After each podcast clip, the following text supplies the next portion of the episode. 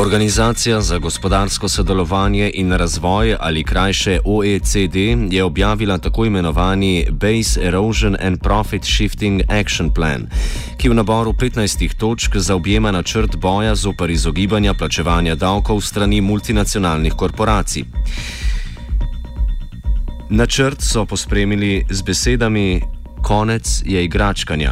Kot nam razloži sogovorec George Turner iz Tax Justice Network, načrt se stoji iz dveh poglavitnih korakov doseganja cilja. The kind of overall aim of the um, that action plan was to better align um, where profits are declared with where the underlying activities take place. So there's two kind of sets of issues which deal with that. Now, the first is um, transparency.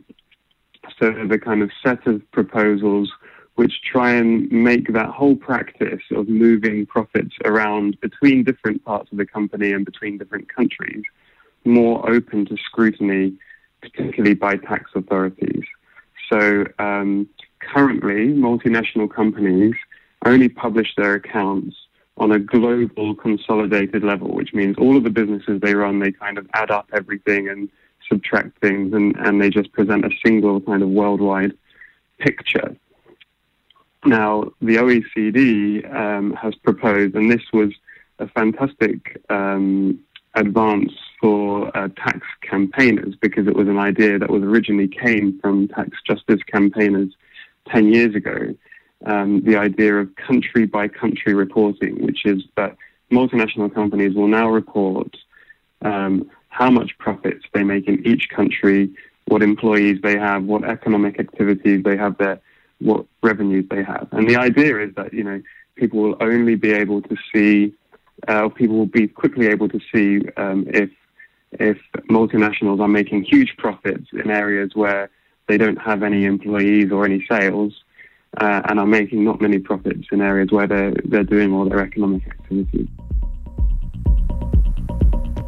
Omenjen sistem pa v načinu, kakor ga skuša implementirati OECD, postane impotenten, saj podatki, ki jih bodo korporacije morale objavljati, ne bodo. Um, they will not be public documents. They will only be disclosed to the tax authorities in the country where um, the multinational is headquartered. So, if let's say you have multinational companies which are operating in Slovenia but are not based, are not headquartered in Slovenia, they may be headquartered in the States or in um, the UK or Germany. Um, then, in order to look at the structure of the company and, and the profits, the Slovenian tax authorities will need to request it from the other tax authority, and that can be difficult. You know, it'd be much easier if it was just all public. And, you know, we know that a lot of these processes are quite difficult and end up in difficult negotiations that can take years, and sometimes the information can only be gathered when it's too late. Nevarnost pri tovrstni zastavitvi je ohranjanje gospodarske neenakosti med državami, saj se bo profit še vedno stekal v države svetovnega centra. Tove Riding iz nevladne organizacije Eurodad.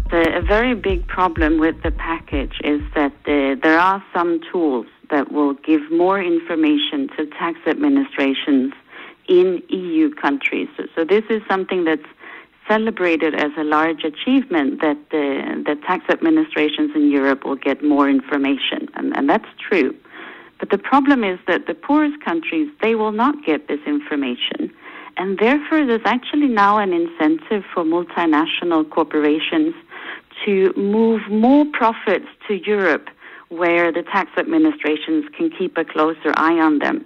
But those profits would, of course, be coming from the countries where the tax administrations can't see what's going on.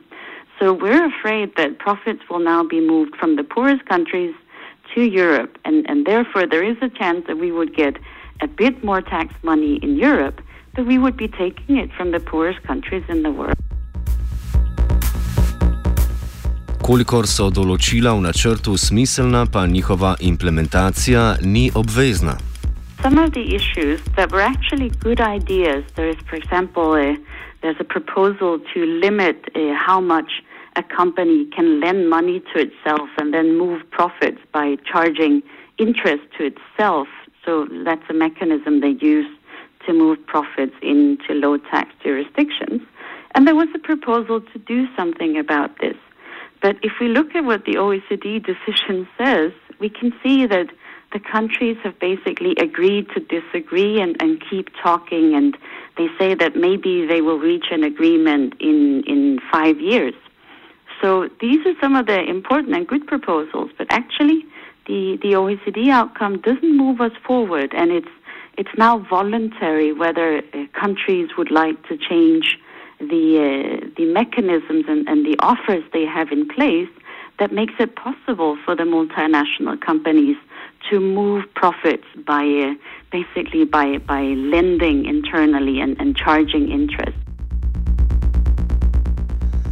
Drugi korak se medtem nanaša na prakse tihega dogovarjanja glede nižanja davkov korporacijam v posameznih državah, ki pa so večinoma hkrati države prisostvujoče pri izdelavi omenjenega načrta.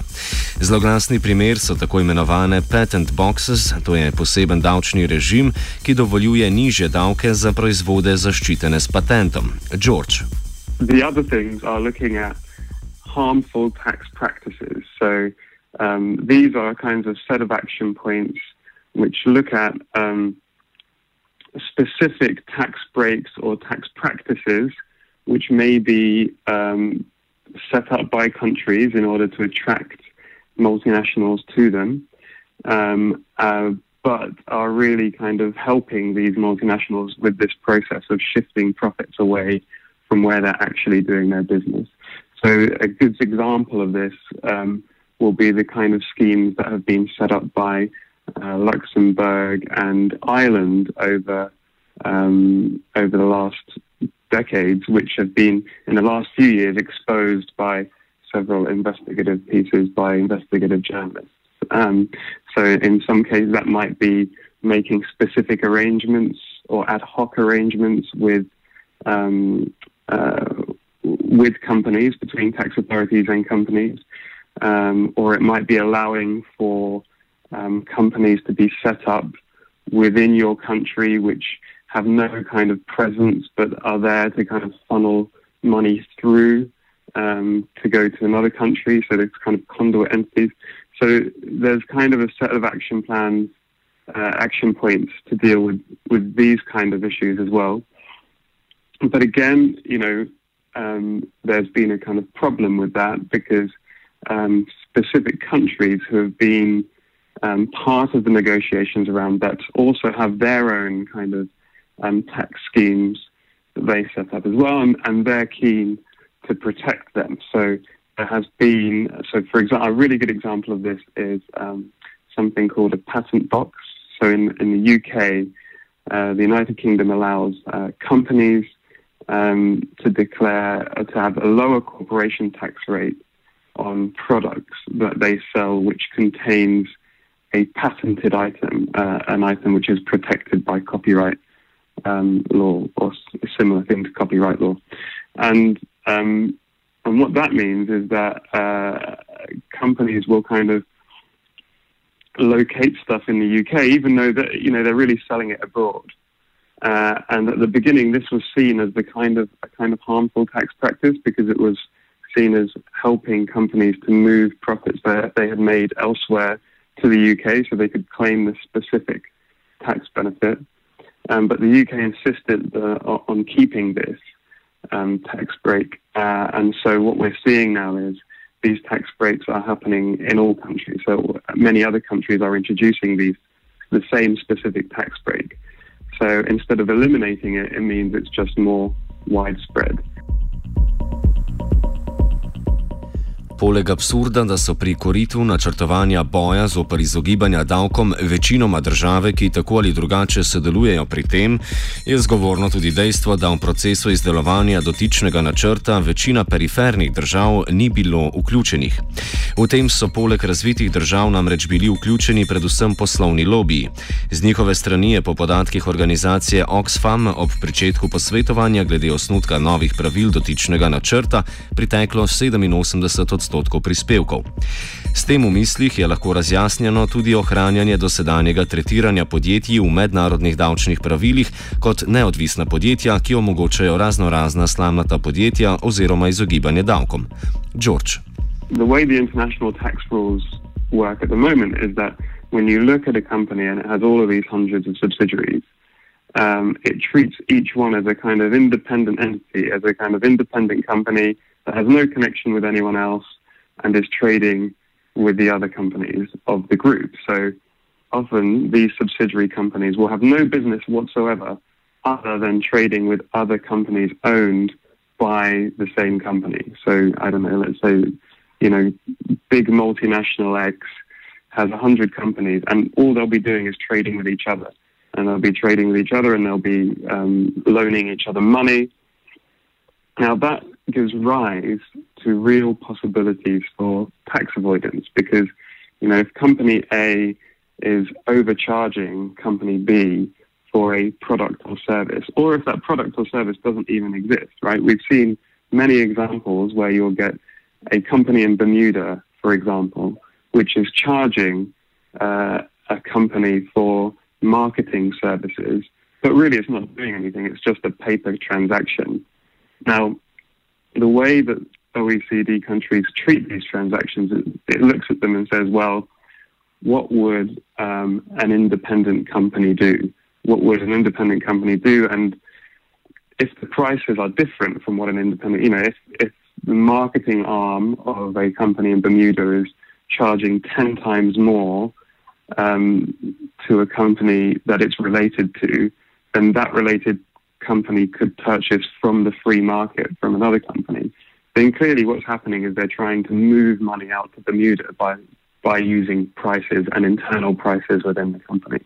So to eliminate that, tax authorities, they look at these internal prices charged and they try and work out whether they're fair or not. The big problem with that is that it's an almost impossible process to do because many of these transactions only really happen within firms, so there's no kind of comparables to the outside world. And also, the comparables don't really work anyway because the cost structures of, inter- of, of multinationals are different from the cost structures of independent businesses anyway. So, what tax campaigners like the Tax Justice Network and others have always advocated is moving towards a system where we treat multinational businesses as a single company. We look at the profits that it makes and we try and kind of divide up the profits amongst the countries where where it actually has real business. And then that would allow those countries to tax that real business at a, whatever rate they choose. Now, there's many different ways of doing that. Um, there's different rules you could implement, but it would require a different approach from the one that we have at the moment, which is just assuming that all of these things, or trying to trying to assume that these things are independent, when clearly it's a complete fiction. You know.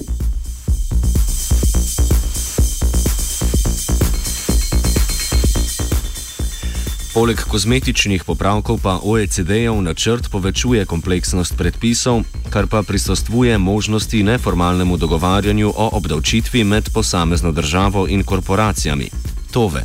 Yesterday, we saw the OECD send out more than 1,900 pages of guidance on how to tax multinational companies. So, a system that was already very complex is actually getting even more complicated. And the problem we have today is that you cannot just look at the law and see how a multinational company is taxed.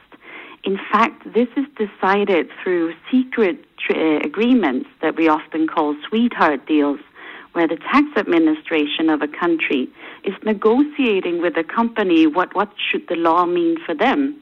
And the problem is that all this information is secret. So normal citizens are not allowed to know what companies pay in taxes. And that's a big problem. And, and the OECD is actually suggesting that this secrecy should continue.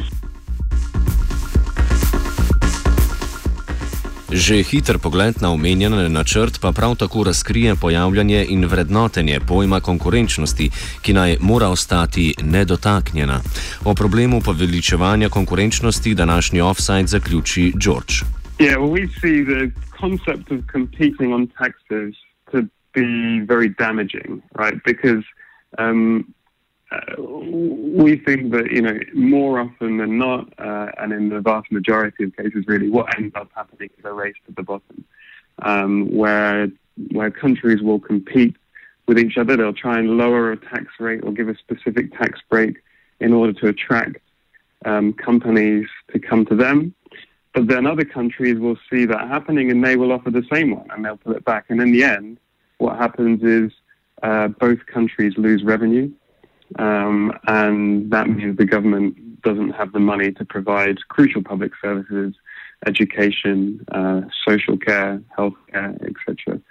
So, um, what we really, really need is countries to cooperate with each other um, so that they can come to agreements about what is uh, the appropriate taxation uh, and what um, the, and trying to eliminate these kind of mismatches between countries which allow multinationals to exploit um, the international system and to shift profits around. And to a certain extent, you know, um, the OECD's conclusions on, on competition and competitiveness were were disappointing in that they went against the mandate. You know, the mandate suggested uh, of the OECD, given by the G20, that they should better align um, the profits of companies where economic activity occurs. And really, the only way to do that is by countries cooperating with each other to make sure there's a common set of rules. Offside je pripravil Tit.